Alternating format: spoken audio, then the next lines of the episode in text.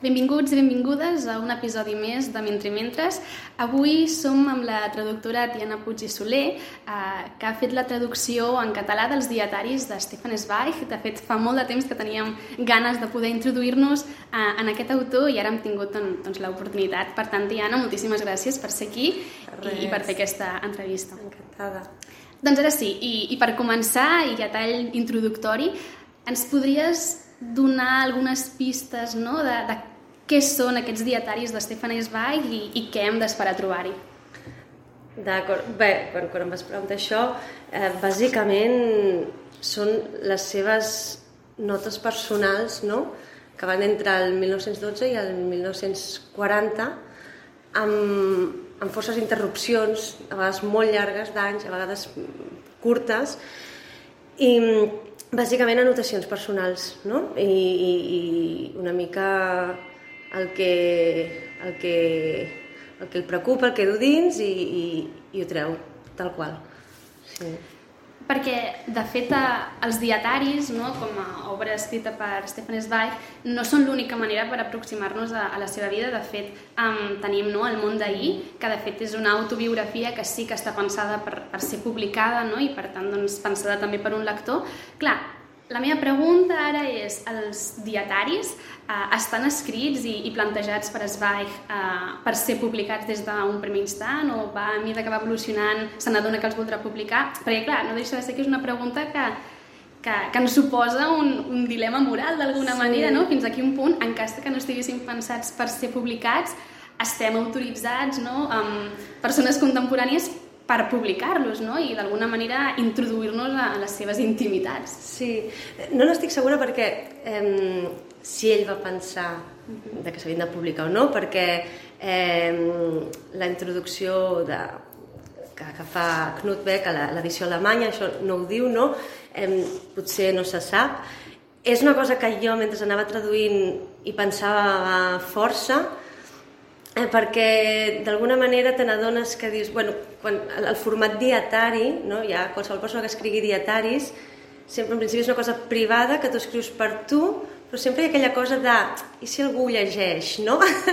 Llavors sempre hi ha la cosa aquesta de que, de, de que pot ser llegit, però tu no ho escrius pensant per un públic, no? Per, per, I això es nota molt, o sigui, això no està escrit pensat per ser publicat, i això és una, eh, fa que el text sigui molt diferent a qualsevol, bueno, a les novel·les o, o a ficció que ell fa, o inclús assaig o les biografies que, que clar, tu les escrius ja pensant en donar-los una forma, etc. No?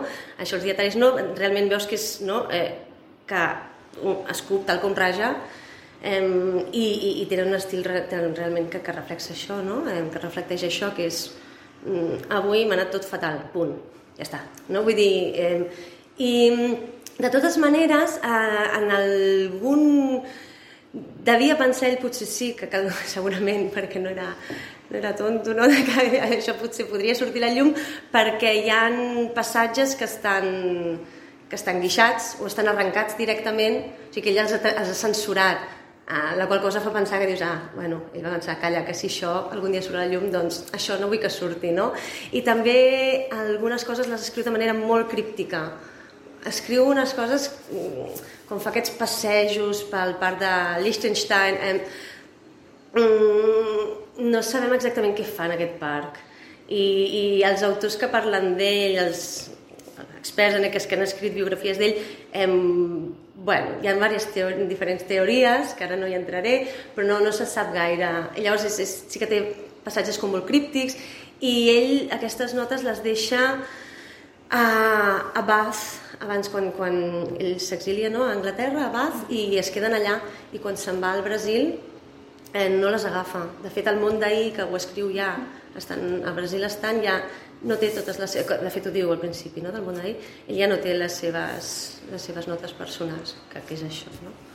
Mm. I abans, fora de micros, no, em comentaves eh, tot el que suposa la traducció de, d'Esbach i concretament d'aquests dietaris, no? em deies que eh, la traducció catalana del que és el text alemany, no? que han hagut com de reconvertir-lo, a omplir Clar, l'edició alemanya va tenir la, feina, la primera feina de, de, de transcriure'l, perquè això eh, eren notes, mira, es veu a la portada, no eren notes a mà.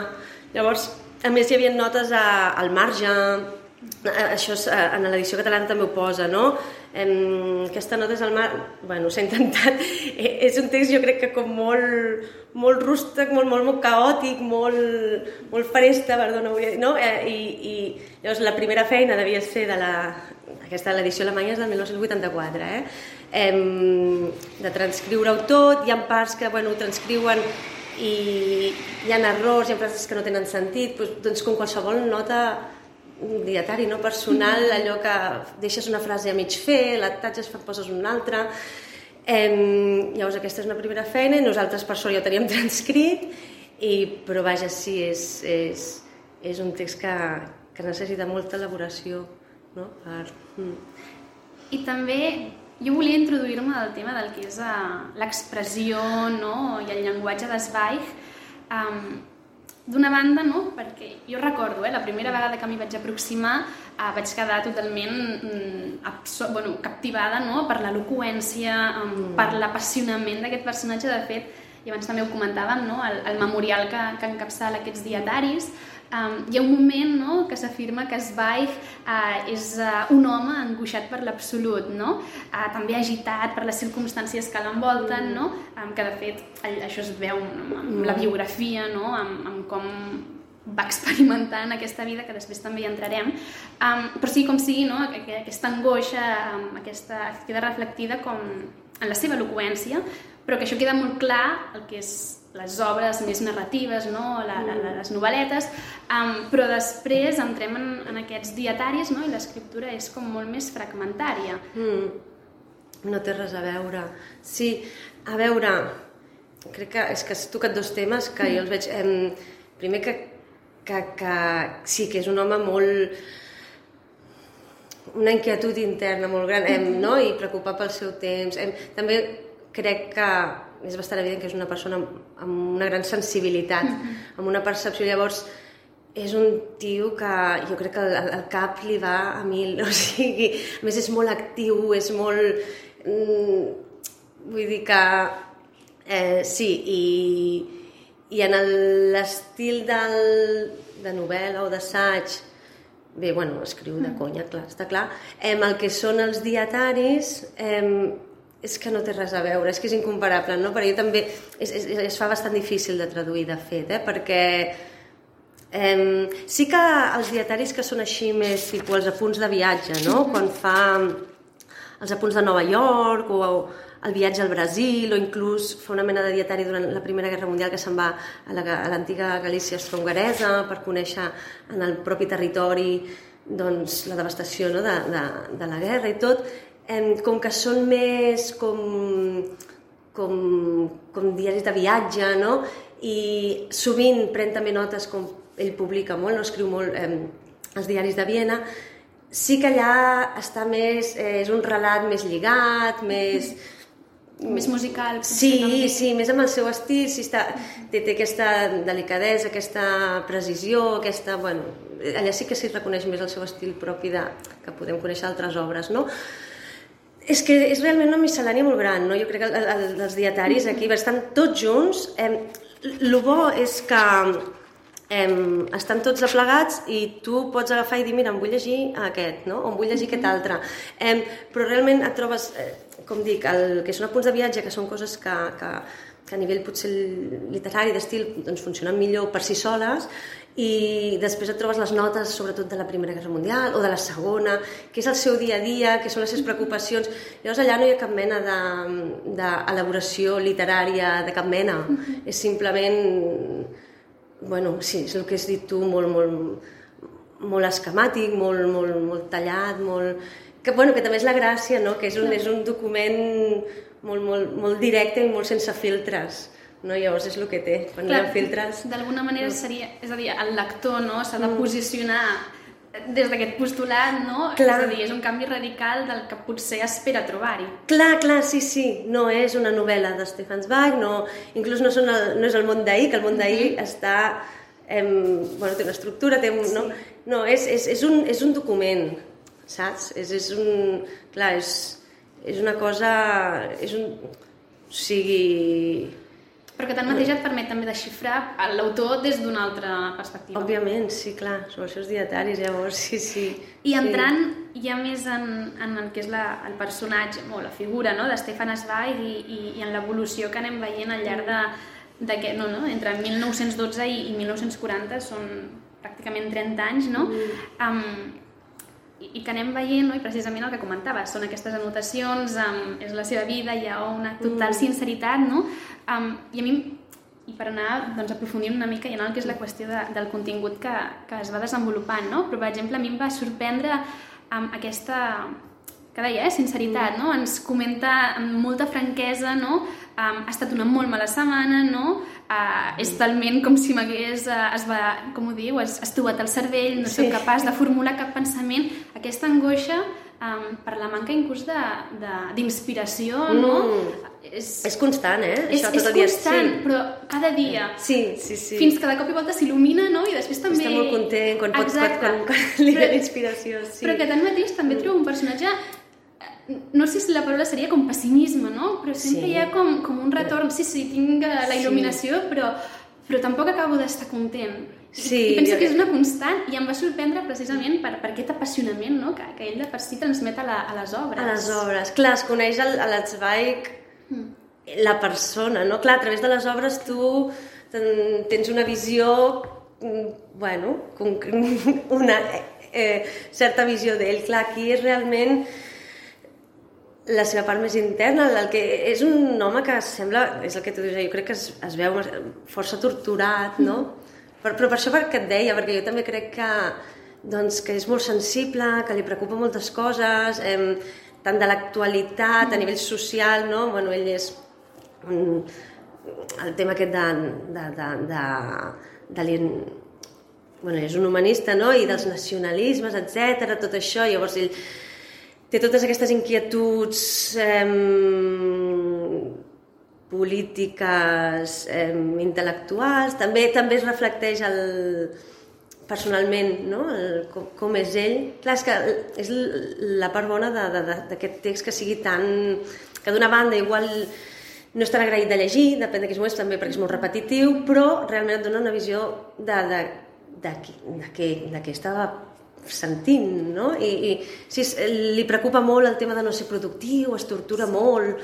I després amb la guerra també, no? Que canvia sí. com, és un canvi de paradigma, jo vaig trobar, que de cop i volta inclús amb, amb, amb l'experiència de la guerra, no? De cop i volta tot el que és la part com més d'escriptura inclús desapareix. Desapareix totalment per una... Sí, perquè en aquell moment, no? És com quan aquí teníem, no sé, a nivell polític, sí. passa alguna cosa, doncs, pum, el focus està en un altre lloc i això ho veus també aquí. Clar, d'alguna sí. manera també és un, un és a dir, la seva lectura també és una lectura del context, no? Del, és un document històric, Sí, per això és una obra és documental, mm. realment, no? És, és un... Em, clar, també comença, ell és jove, em, el 1912 doncs devia tenir 30 i poc, 30 mm. por ahí. Em, eh, hi ha temes de no, amors i desamors, sí. encontres, no sabem exactament amb qui, bueno, això també és molt interessant. O sigui, hi ha, hi ha moltes, realment moltes facetes, no?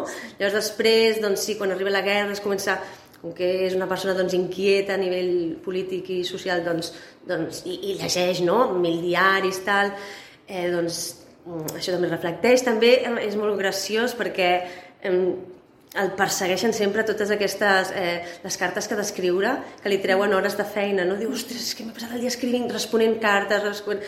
Eh, eh, i això també és una cosa que es repeteix contínuament i, i, i, i, i n'està fins, fins al monyo de, de respondre cartes així, perquè ell, es, ell voldria no tancar-se i dedicar-se a la seva obra bueno, eh, es veu una mica com les seves, les seves el seu pa, la seva part fosca, no? les seves obsessions, les seves... Bueno, que, tothom, que tots tenim, i clar, aquí, aquí es veu bastant, crec. Si tens la paciència de, de llegir-t'ho tot, perquè realment hi ha parts, doncs, hi ha algunes parts doncs, que poden ser molt repetitives i tal, però crec que al final et dona una visió global molt clara d'ell, de, i sí que era... Jo crec que més que pessimista, crec que... perquè si no tampoc... Bueno, no sé, això és una opinió personal meva, eh, però Eh, jo crec que devia patir de depressió i segurament bastant torturat. El context tampoc acompanyava. El context tampoc acompanyava. I, i contrasta també amb aquesta era molt actiu, no para, també ho veus en els dietaris. Ara he quedat no sé qui, ara he quedat no sé quantos, ara Sí. vaig aquí, ara vaig a aquest esdeveniment. Aquesta idea m'interessa moltíssim, no? perquè també és un clar reflex d'aquesta figura com a humanista. Sí, no? i, i del moment històric que Clar, clar, si estaves però- en el cercle el- intel·lectual aquest. Correcte, Ah. dir, és un... No? I apuntava, no? Sobretot també la relació amb Rilke, no? Sí. Però, però entre molts altres. Molts, dir, molts, molts Que es d'altres. clarament aquest context intel·lectual i, i, i un vincle que no és aquesta pura superficialitat, no? sinó que des d'aquest epicentre humanista, no? la Sí. preocupació més al llenguatge poètic, no? el fet de que es veu eh, aquestes interrelacions de, del No, moment. coneixia, coneixia a tothom, o sigui, era un tio com socialment molt actiu, eh, en el seu moment doncs ja quan comen... vull dir, era, era, era, tenia reconeixement també per part dels altres i, i, i era actiu, però alhora, no, que els dietaris també ho veus, no?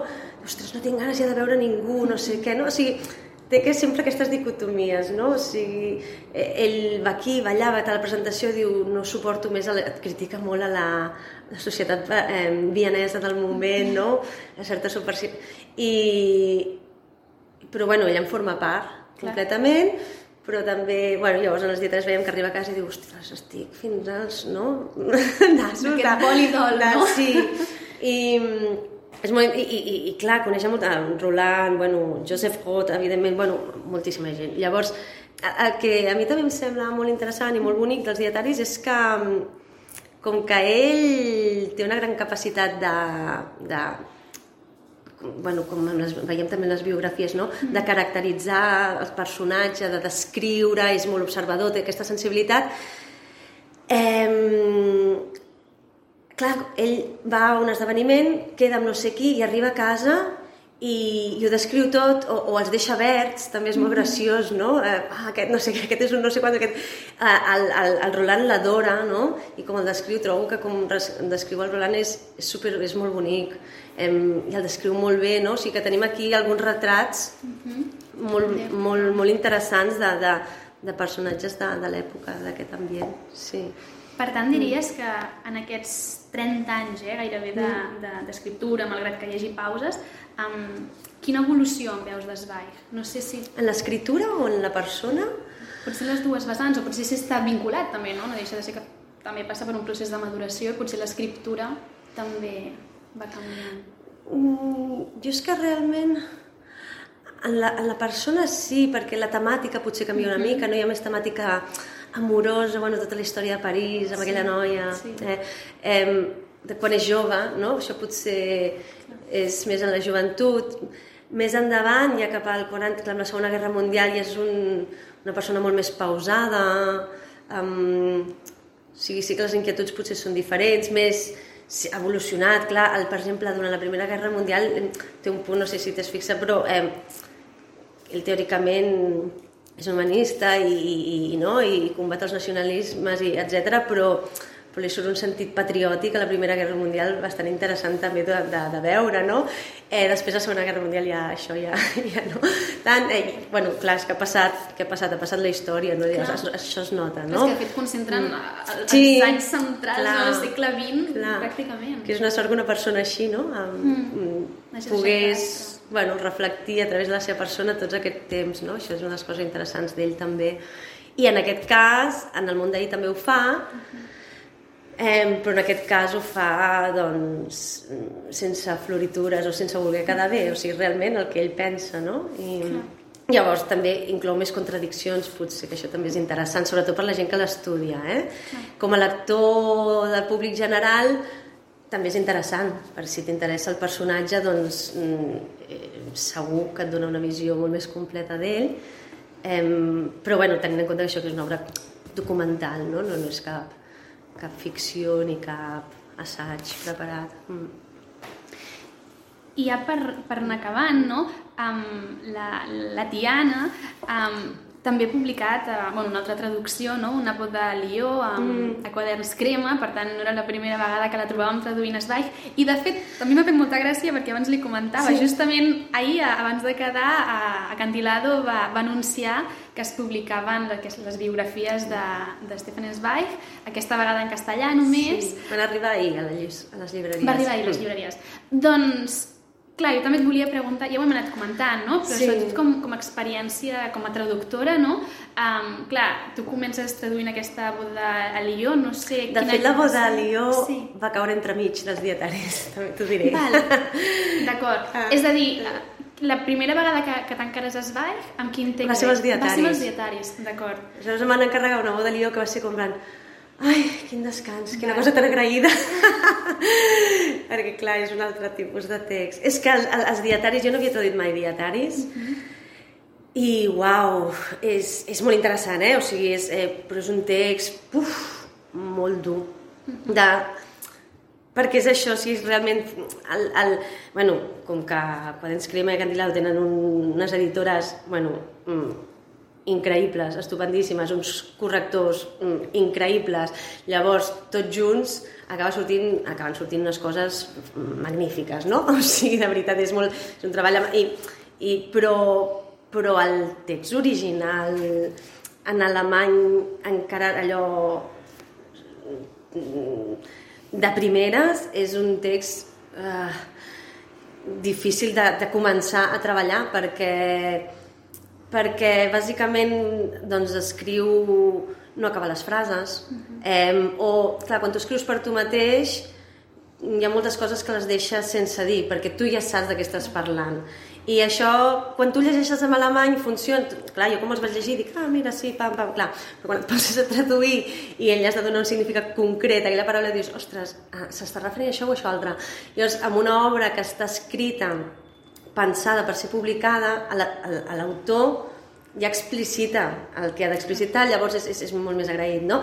A part de que al ser doncs, una, una novel·la curta, doncs, literàriament, doncs, doncs, doncs té més joc, no? Eh, Allà et pots recrear, mira, faig aquest gir, faig això, ho dic així, ha quedat, oh, de conya o no, això no. Bueno, eh, aquí és un altre tipus de text, no? I són, són unes notes, primer has de...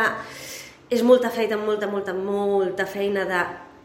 Eh, què està dient? Perquè no vols dir una cosa que no digui, però, mm, però s'ha d'entendre d'alguna manera. Bueno, hi ha coses que, per exemple, amb l'original funcionen i amb unes traduccions i amb una traducció no funciona. És una traducció... Un original té més marge de ser ambigu, de, de, perquè és l'original, ho ha escrit l'autor. Però una traducció bueno, i llavors trobar l'equilibri entre no, eh, ser fidel al text, dir no, aquí posa això i no posa cap altra cosa, però que tingui, que, que, que, que sigui, que es pugui, que es pugui pair, que es pugui llegir, que es pugui mastar, també és important, llavors, bueno, aquest equilibri, no?, doncs és el, això ha sigut molta feina, tot plegat, eh?, tot plegat ha sigut. I una boda Lió, doncs, doncs, va ser molt agraït, la veritat, perquè no sé si l'has vist, és un llibre molt, molt, molt curtet, són quatre contes curts super, bueno, que te'ls acabes amb, amb quatre parades de, de metro, no? però, però d'èpoques molt diferents, bueno, d'èpoques diferents també, i temàtiques molt diferents, però, bueno, són, són quatre joietes d'ell, no? Molt agraïdes, molt, I en el cas de, de les biografies, la biografia és també un altre, bueno, un gènere diferent, però també resultat és més senzill que els dietaris. Tot és més senzill que els dietaris. Perquè la biografia, doncs, ell també ja, és un text que ja està treballat. Llavors això com a traductor doncs t'ho posa més fàcil. Em comentaves que tu has de les biografies, Sí. perquè entenc que són uh, uns personatges històrics, no?, que es va Sí. els hi dedica una biografia. Històrics i algun no històric, o sigui, crec que no sé si hi ha eh, Roland, al, al, alguns Val. mm, companys de l'època seus també. D'acord. Mm. I tu específicament has fet el d'Erasme de Rotterdam? Sí, l'Erasme de? Rotterdam. No, només n'he fet una, que va ser l'Erasme de Rotterdam, que a mi personalment em va fer com molta il·lusió, va ser com que... Com que jo vaig començar, me'n vaig fer el meu, Eras- el meu Erasme no? a Alemanya, a, a, a Tübingen, i quan van donar l'Erasme Rotterdam em dic, ai, mira, ostres, la, la biografia de l'Erasme Rotterdam, i em vaig poder aprofundir en, en, la seva, en la seva història explicada per, per Stefan Zweig, que, que, que ho fa de meravella i és, és, és molt interessant, està molt bé. I és més, és més agraït de, de traduir. És, és assaig, és, és més històric, també hi ha una part de, de recerca igual de, de, de, de context històric, etc, no? de personatges, perquè clar, és que, és que el Stefan Zweig, bueno, és que era, era una màquina, llavors coneixia tot, eh, totes les persones, històricament això, l'altre, i clar, tu com a traductora que jo no només tradueixo Zweig, no? I, i doncs també hi ha una feina de, de recerca i d'aprenentatge que també és molt agraït. Sí.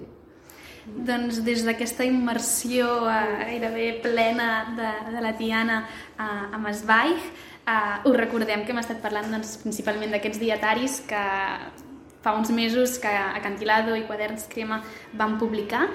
Um, no? d'aquest personatge que em comentava magnífic des d'aquesta sensibilitat, aquesta musicalitat i aquests dietaris que tant ens hi podem acostar com aquest document més acadèmic d'investigació, però a la vegada també com a lector eh, que simplement vol gaudir, vol aprofundir sí, en una figura que no ho permeten. Uh, enigmàtica i, i, i tanmateix eh, apassionant. Moltíssimes gràcies, Tiana, per a aquesta tu. entrevista. A tu. I bé, moltes gràcies Fantàstic. i fins aviat. Fins aviat.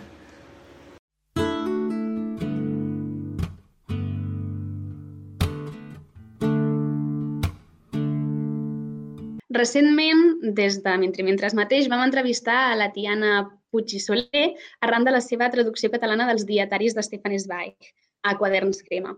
Um, encara que també uh, justament recentment havia publicat uh, una de les biografies que des de Cantilado s'havia publicat del mateix autor. L'autor, Zweig, és un, un, un escriptor que ens sedueix, tant pels seus retrats intimistes, per la seva retòrica, com per aquesta escriptura que tant el caracteritza i que ens atrapa i fins a colpir-nos, fins a arribar-nos al moll de l'os. És per tot això que no podíem deixar l'oportunitat de no només parlar de l'autor, sinó també parlar de la persona um, que des de fa anys, uh, des de l'editorial, doncs, ens fa arribar aquest autor uh, des de la nostra llengua. Avui som amb Sandra Ollo, la directora i editora de les dues editorials mencionades, Quaderns Crema i Acantilado, i avui volem parlar d'aquest de l'autor Esbai, però també poder-nos introduir en el que és la tasca editorial um, que, que, que fa no, rere, rere dia i des de fa anys amb, amb les dues uh, marques. Uh, benvinguda, Sandra, moltíssimes gràcies per, per haver acceptat aquesta entrevista i ara, per començar, m'agradaria poder-te preguntar que a trets generals ens poguessis definir o ens poguessis distingir no? què és Quaderns Crema i, i què és Acantilado, perquè sí, tenim molt clar que Quaderns Crema publica en català, Acantilado ens ho fa en castellà, però conceptualment hi ha alguna idea que les diferencia? És una qüestió simplement comercial o realment hi ha un ideari darrere de, de cada una? No? Uh, si ens en poguessis fer un, un, petit uh, resum, no? Bueno, moltes gràcies, Berta, per, per haver pensat en mi per aquesta entrevista. Eh, I començo, si et sembla bé, amb la teva pregunta. Doncs mira, Quaderns Crema és una editorial, és un segell que neix al 1979, eh, en té 21 anys, i llavors la, la podríem definir com la germana gran de Cantilado. No? En, la diferència entre amb dues és no només de, de, de, de llengua de, de vehicular, de llengua de publicació, sinó també d'alguna manera l'ambició. No? Tu deies, parlaves del concepte o la idea que hi ha de, al darrere. Totes dues comparteixen eh, una llavor, òbviament, no? que és l'ambició per una literatura de molta qualitat, per l'assaig, per obrir portes, per obrir espais, per, per portar a, les, a, a totes dues llengües eh, maneres de pensar i d'entendre el món. No? Això ho comparteixen totes dues. Però potser sí que hi ha una diferència eh, en la, no en l'ambició, però sí en la manera de, de conduir-la, entre Quadens Crema i, i Acantilado, especialment pel que fa a la ficció. Eh, Quadens Crema, eh, des de ben bon començament, va publicar literatura patrimonial catalana en noves edicions, noves edicions que la feien més lleugera, eh, més llegidora, que podia arribar de manera més fàcil al públic lector. Això no vol dir eh, d'una manera més pobra, sinó que vol dir menys acadèmica. Eh, I això ho va combinar amb un ventall d'autors de l'avantguàrdia i de, i de l'avantguàrdia més, més nova, més colpidora i més eh, gamberra també de les lletres catalanes dels anys 80, no? que són els anys d'esclat de, de Quadens I això és el que la va definir, la va caracteritzar durant molts anys i que també eh, si més no, continua definint-la. No? Una literatura més oberta, molt fresca, amb ganes de descobrir veus tant del panorama internacional com del panorama català. Eh, Quadens Crema té una línia, eh, perdó, Acantilado, té una línia molt forta de no ficció, no? en la qual entra l'assaig, entra la memòria, entra la biografia, eh, una altra línia de ficció en la qual eh, tenim narració mmm, que més enllà de, de voler portar, tenir l'ambició de portar la literatura de països del, del món de l'est, no? nosaltres hem publicat molts autors centroeuropeus, eh, d'Europa de l'Est, moltes veus que per qüestions eh, territorials, polítiques, històriques van quedar amagades. No? Eh, també per, per, eh, tenim l'ambició de publicar eh, veus molt literàries, en el sentit més eh, profund del terme. No? Una literatura mm, que, que colpegi una mica, una literatura que et faci bellugar-te a la cadira i pensar i, i, i, i posar-te davant del món d'una altra manera. No? no sé si això pot respondre a la teva pregunta. Totes dues comparteixen moltíssimes coses i comparteixen molts autors també. Perquè precisament, no, i després entrarem eh, el que és el tema d'Esbaix amb més profunditat, però, um, clar, per exemple, un exemple molt clar no, és uh, els dietaris sí que estan publicats tant en català com en castellà, però, per exemple, a les biografies, en principi només estan publicades en castellà, no hi ha intenció de publicar-les en català. Ah, de moment no, és un projecte molt gros, que de moment no, no li veiem una cabida, una sortida tampoc no. um, empresarial, et diré. Fins ah, clar, clar, evidentment. No, a Quadens Crema, no? De moment sí que la biografia d'Erasme, uh -huh. eh, que considerem molt important, no? Eh, això no vol dir que la resta no ho sigui, no? però que sí que la volíem tenir en català i potser aniran sortint uh, a, més a poc a poc, no? però Quadens Crema tampoc no acostuma a fer un llibre amb el, amb el volum, amb el pes que fa Cantilado, no? que fem aquests totxos um, de dos i tres eh, volums no? en el estoig. I, eh, te, tenim, eh, tenim mires més eh, senzilles. No? Clar. I centrant-nos en, en el teu paper no? com a responsable de les dues editorials, ah, si no m'equivoco, ja farà uns vuit anys que et trobes com a capdavantera de, de, dels dos projectes, encara que sí que és cert que ja feia anys, des del 2008-2007, que ja estaves incorporada dins del, de, de les dues editorials, no? I, de fet, no, editorialment parlant, ets l'hereva del projecte de, de Jaume Vallcorba. Um, aleshores, més enllà de preguntar-te, que evidentment també, no?, què suposa per tu incorporar-te com a líder d'aquestes dues grans marques, um, també preguntar-te uh, pel quin era no? i quin és el teu projecte editorial i, i entendre quina és la petjada que deixa en tu Vallcorba, però quines són les diferències que tu també incorpores. Són moltes preguntes. Sí, perdona. Aviam si puc anar a poc a poc. Eh, per on comencem? La petjada que deixa el Jaume mm. Corba a mi com a editora és enorme, no? perquè va ser va ser un mestre per mi, va ser una persona intel·lectualment fonamental i, a més, també va ser la meva parella. Llavors, clar, compartíem un món i una manera de veure el món i veure, entendre la literatura eh, que estava molt, eh, molt en consonància, no? òbviament. I la petjada va des de la manera d'entendre el llibre com a objecte, ja parlo de la qüestió més purament física, més material, de la construcció del llibre, fins a una manera d'entendre la literatura i el llibre com a miral que, que pot reflectir eh, les inquietuds d'un temps no? i que pot ajudar a entendre el món que vivim. I aquesta manera d'entendre el món que vivim es fa no només llegint el present, sinó llegint el passat també i posant-los a dialogar no? i a conversar de manera amical i tranquil·la. No? Eh, jo sempre penso que tots dos segells, i des de luego eh, potser especialment acantilado perquè tenim una línia d'assaig més forta, com ja et deia abans, només, eh, i, i només dic, i, i no és poc, eh, volen això, obrir portes, obrir portes al pensament, no? al pensament lliure, incomodar fins i tot, no? Eh, no quedar-nos amb això, amb, amb la, primer, la primera cosa que, tu, que trobem, no? sinó mirar d'anar una miqueta més enllà i, i mirar d'entendre les realitats, que són molt polièdriques. No? I, I aquesta és una de les, de, de les petjades més importants. El meu projecte editorial, a mi se'm fa molt difícil de definir-ho més enllà del que t'acabo de dir. Penso que finalment el catàleg és el que parla per, per l'editor. I el nostre catàleg és molt marcat. Eh, és a dir, jo no vull dir que una persona que, que segeixi, que pugui seguir el segell eh, hagi d'entendre quin és el meu perfil, però segur que se'n fa una idea. No? I, I aquesta és la meva idea editorial. I jo m'estimo més que quedi així i que el, el lector faci l'esforç d'apropar-se i d'entendre-la, no? que definir-la jo directament. No sé si això et serveix. Clar.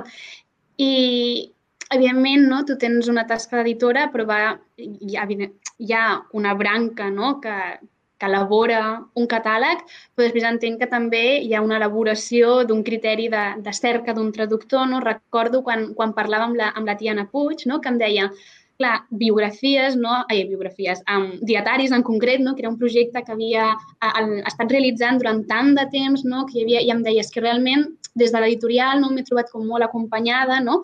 Uh, quina, quina, és, quina és també aquesta tasca d'acompanyament amb, amb el traductor des de l'editorial? Com el feu? Nosaltres traduïm percentatge altíssim de traducció a tots dos segells. Diria que és, depenent de les programacions de cada any, però pot ser vora el 80% dels llibres són traduïts o el 70%, no? Varia, però estem més o menys en aquestes xifres. Eh, clar, la traducció per nosaltres, com deia, és fonamental, és importantíssima.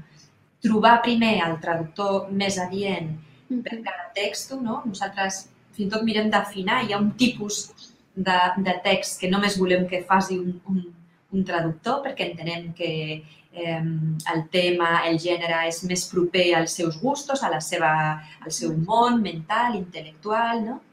I, i, i després mirem d'afinar molt la tria eh, també de la persona, no? bueno, va, en relació amb el que t'estava dient. I després, sí, clar, òbviament és una, és una feina que es fa mútuament eh, acompanyem els traductors a, fins allà on ells el necessiten. Hi ha traductors que, amb els quals ja fa molts anys que treballem, sabem com treballen i ells tiren milles i quan tenen la feina acabada llavors eh, arriben a casa i, la, i, eh, i hi ha d'altres, en el cas de la Tiana, que debutava amb aquest llibre, que a més era especialment complicat, no? per moltes raons, eh, doncs sí, la, la mirem d'acompanyar perquè no se senti desbordada per la, pel volum de la feina, no? per, pel pes que també pot sentir eh, que de cop mm, de, de, que no dona l'abast no? per entendre eh, un personatge com, com és el Stefan Zweig, pensa que traduir un dietari és molt complex, com traduir les correspondències. No? Sovint es pensa que com que es tracta de textos petits, doncs és més fàcil. Al contrari, al contrari, perquè aquesta fragmentació um, fa que no hi hagi un fil que no hi hagi un fil conductor ni narratiu ni discursiu, no? o, o sí que ho hi ha, però són segments que es van trencant constantment, no? I el, i el traductor ha com d'entrar i sortir moltes vegades del text. No? I, I és especialment complexa i la Tia no ho va fer extraordinàriament bé. Hi ha una tasca correcta, eh? excel·lent pel que fa als dietaris i, de fet, i també introduint-nos una mica altra vegada Zweig, no? perquè un, el gran traductor, almenys en català, que teníem era el Joan Fontcoberta, no? però en el moment que ens deixa, clar, clar és un moment inclús de, de, de desempar no? per part de l'editorial, perquè és buscar algú que, que de cop i volta no? que, que entengui la complexitat del, Tal qual, tal qual. I amb el Joan, a més, teníem una entesa personal molt, uh -huh. molt especial. Era una, un home amb, amb el qual jo havia treballat des de que vaig començar a la casa, uh -huh. uh, una persona cultíssima, uh, intel·lectualment impecable, un home educat, jo l'adorava, no sé si es nota, però m'agradava molt i m'agradava molt la seva feina, fins i tot quan no estàvem d'acord, que de vegades passava, ja, ja. que feia, perquè me'n recordo una traducció que va de molts, fa de molts anys, quan jo era edició d'un llibre de música que, mira, no la va encertar, perquè de vegades passa, no? Això que et deia, que hi ha traductors que són molt bons amb unes coses i amb altres no s'acaben de, no? de centrar. I la pèrdua del Joan, que a més va estar treballant fins al final de les, dels seus dies no? amb aquesta traducció i que, perquè jo no em veia amb cor mm, de dir-li que no, perquè a més, eh, bueno, la feina li, li sostenia no? d'alguna manera però clar, pobret, va fer el que va poder.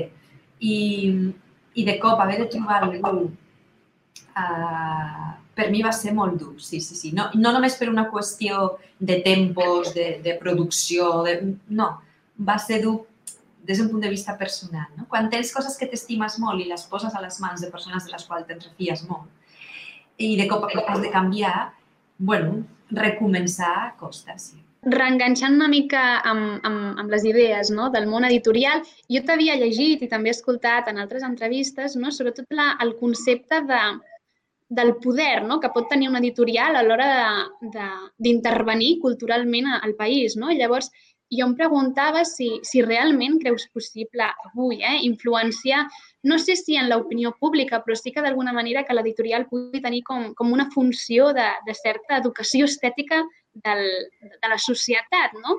I, I quin compromís, per tant, prens tu com a editora en, en, en aquests termes? Bueno, és que les editorials realment i, i tot aquell que es dedica al món de la cultura té una, té vocació d'intervenció cultural, clarament, i, i té la responsabilitat que, òbviament, això conlleva. No? Eh, perquè si jo poso llibres als taulells de les llibreries, doncs allò que estic oferint, òbviament, ja un, llegiran persones a les quals els arribarà d'una manera o d'una altra i tindran una idea o una altra. No? Clar, clar, clar que hi existeix aquesta voluntat d'intervenció en un sentit positiu, també de vegades pot ser en un sentit més negatiu, no? I, i una eh, lògica responsabilitat. I això penso que tots els segells el, el tenen. Una altra cosa és que reflexionem o no sobre aquest fet, que tampoc no cal tant, no? Però totes contribueixen. I els llibres d'un catàleg, eh, i si hi ha uns lectors que els segueixen i que se senten que tenen una afinitat molt íntima amb aquest segell, no? tant és així que es refien Mm, de, del segell eh, sense conèixer ni l'autor, ni importar-les ben bé qui, és, no? ni què ha fet, sinó, mira, m'ho recomana o publica aquesta editorial, doncs jo me'n refio i m'ho llegiré. No? Me'n refio d'aquest criteri. Clar, estàs exercint una influència estètica. Això és, és evident. Sí, sí. I, clar, i ètica, no? I ara, és que ara, ara quan, hi, quan, quan parlaves eh, d'això concretament, pensava, per exemple, en Josep Maria Esquirol, no? que pràcticament ja és com una figura que jo la penso, dic, quaderns crema, i a més ja, ja penso en, en el llibre, no? Blau, vull dir que ja té com, com un esquema. Clar, Exacte. No, i, I en aquest sentit, no, jo crec que Joan Maria Esquirol és una persona que sí que té certa influència, depèn de quins sectors de, del món cultural. Ell ja la té com a professor de filosofia. Sí, i evidentment, evidentment. I persones que, que ha treballat moltíssim, moltíssim per explicar la seva filosofia, mm -hmm. no, el seu sí. pensament. Eh, I clar, a través dels seus llibres, i, i quan me, més difusió tenen els seus llibres, més capacitat d'arribada, més petjada tens, no? Això, uh -huh. això passa. I sí, aquest és un clar exemple, no? I més en el cas de, de la filosofia de l'Esquirol, que, que és una filosofia de companyia vital. Uh -huh. Són llibres de molta companyia vital, no? Per, per caminar la vida. Correcte. En aquest cas és més evident, pot ser que en d'altres, però sí. Uh -huh. I ara ja sí, en, entrant no, en, en el que és el, el darrer tram d'aquesta entrevista, per no allargar-nos moltíssim, i és entrar a Eh? Um, sens dubte, no, entenc que, que va ser una... Bueno, era, era iniciativa de, de Jaume Vallcorba el fet d'introduir, depèn de quins autors, no, centreeuropeus, i en, en aquest cas era, era Zweig. Um, què creus no, que, que tenia Stefan Zweig um, que, que, que, que van no, seduir a, a Vallcorba per introduir-lo no, a, a casa nostra i fer tot aquest projecte de, de, de tenir-lo en la nostra llengua. Bueno, això ho hauria de respondre a Vallcorba, que malauradament no t'ho pot respondre. Sí. Jo et puc dir el que jo penso i per què continuem amb l'obra de Stefan Zweig, no? que mm. no és només per una qüestió de uh, d'un autor no? que, que vinculat a, a la casa, sinó per, per convicció, no? Eh, mira, jo trobo que és un dels grans narradors centroeuropeus, un dels grans, grans del segle XX, eh, i et diré que personalment m'agrada més la seva part assagística, fins i tot que la narrativa, no? que, que m'agrada molt, però jo sóc molt fan de la part assagística de Stefan Zweig. Eh, concretament, Ara, les, uh, les biografies que presentem no? són especialment atinades en el, la seva percepció eh, la seva capacitat de, de, de percepció psicològica. No? Vull dir, ell combina extraordinàriament bé la manera d'explicar les coses, fa que un pensi que està davant d'una narració, perquè tot és lleuger, eh, tot és fàcil, tot és accessible, amb, i això ho combina amb la mm, profunditat psicològica no? que només les persones que han viscut molt i que estan dotades d'un ull molt fi poden tenir. No? Que, I, a més, això ens parla de les ganes d'entendre les raons de les persones que està, eh, en aquest cas, biografiant, no? de la, la vida de les quals està explicant, no? o les fites de les quals està explicant. I, i això passa a les biografies i això passa a altres assajos, ¿no? Eh, como la lucha contra el demonio, como la curación por el espíritu, como el legado de Europa, a tantes i tantes. No?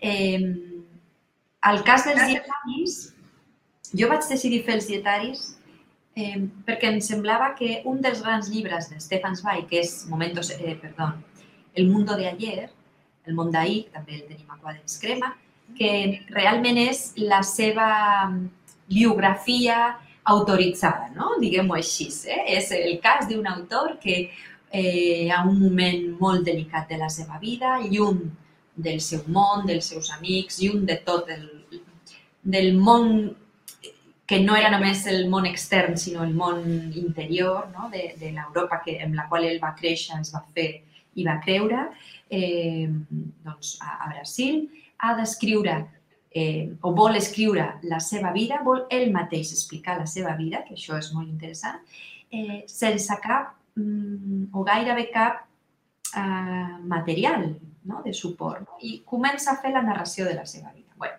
això són, eh, és el món d'ahir, no? I a més, ell expressa la teoria de què és el que s'està fent malbé i què és el que ha, ha, ha acabat de desaparèixer, no? amb l'arribada del nacionalsocialisme i, i, i realment. bueno, I què passa amb els dietaris? Doncs els dietaris són una mena de biografia no autoritzada. No? I és el contrapunt perfecte del món d'ahir. No?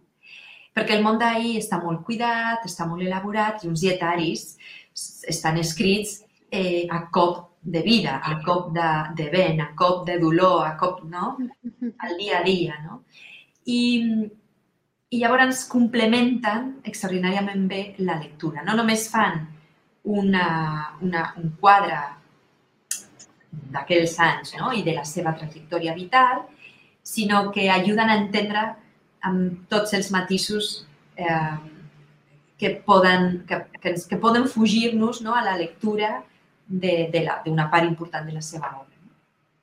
Clar, concretament, a l'entrevista amb, amb la Tiana ho vam estar comentant, no? el fet la complementació entre d'una banda el món d'ahir, després amb els dietaris, no? i en general, tant des de Quaderns Crema com a Cantilado, amb la imatge global que podem tenir de, de Stephanie Zweig a través de, de les diferents aportacions més assagístiques o més, o més literàries. I ja per acabar, um, entenc que la línia Stephanie Zweig continuaran les dues editorials, que seguirem tenint novetats d'aquest autor? Sí, en tindrem. El que passa que també s'acaben. Clar, també. És a dir, té, té una obra molt extensa, queden cosetes, queden uh -huh. correspondències eh, molt boniques, a més, que nosaltres eh, l'any que ve, si podem, en, en treurem alguna, i queden relats. La part fonamental de, de l'obra de Stefan Zweig, la part de pes, no? Així de, de peso específico, que es diu, no? eh, es tanca amb les biografies que eren inèdites i que hem recollit per, no, en, en aquest volum del qual tu parlaves, no? al començament i que hem mencionat ara fa un moment. Eh, I després, les cosetes que n'hi han, doncs les anirem també editant. Però, bueno, arriba un moment que s'acaba, eh? Ja, ja no... Bueno, mai se sap perquè com que de, de tant en tant ah. coses així a calaixos o, no? I tant. Fas de vés a saber on i es continuarà amb altres autors i amb altres assajos i amb altres, i amb altres històries. Doncs, Sandra, moltíssimes gràcies per haver-nos acceptat aquesta entrevista, per haver-te tingut aquí aquesta estoneta, que realment ha estat molt profitós. Hem pogut doncs, introduir-nos una miqueta al, al que és el món editorial, la teva, el teu projecte, el teu ideari.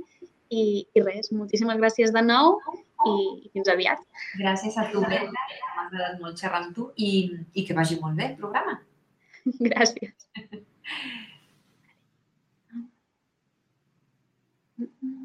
Vale, aturo l'enregistrament.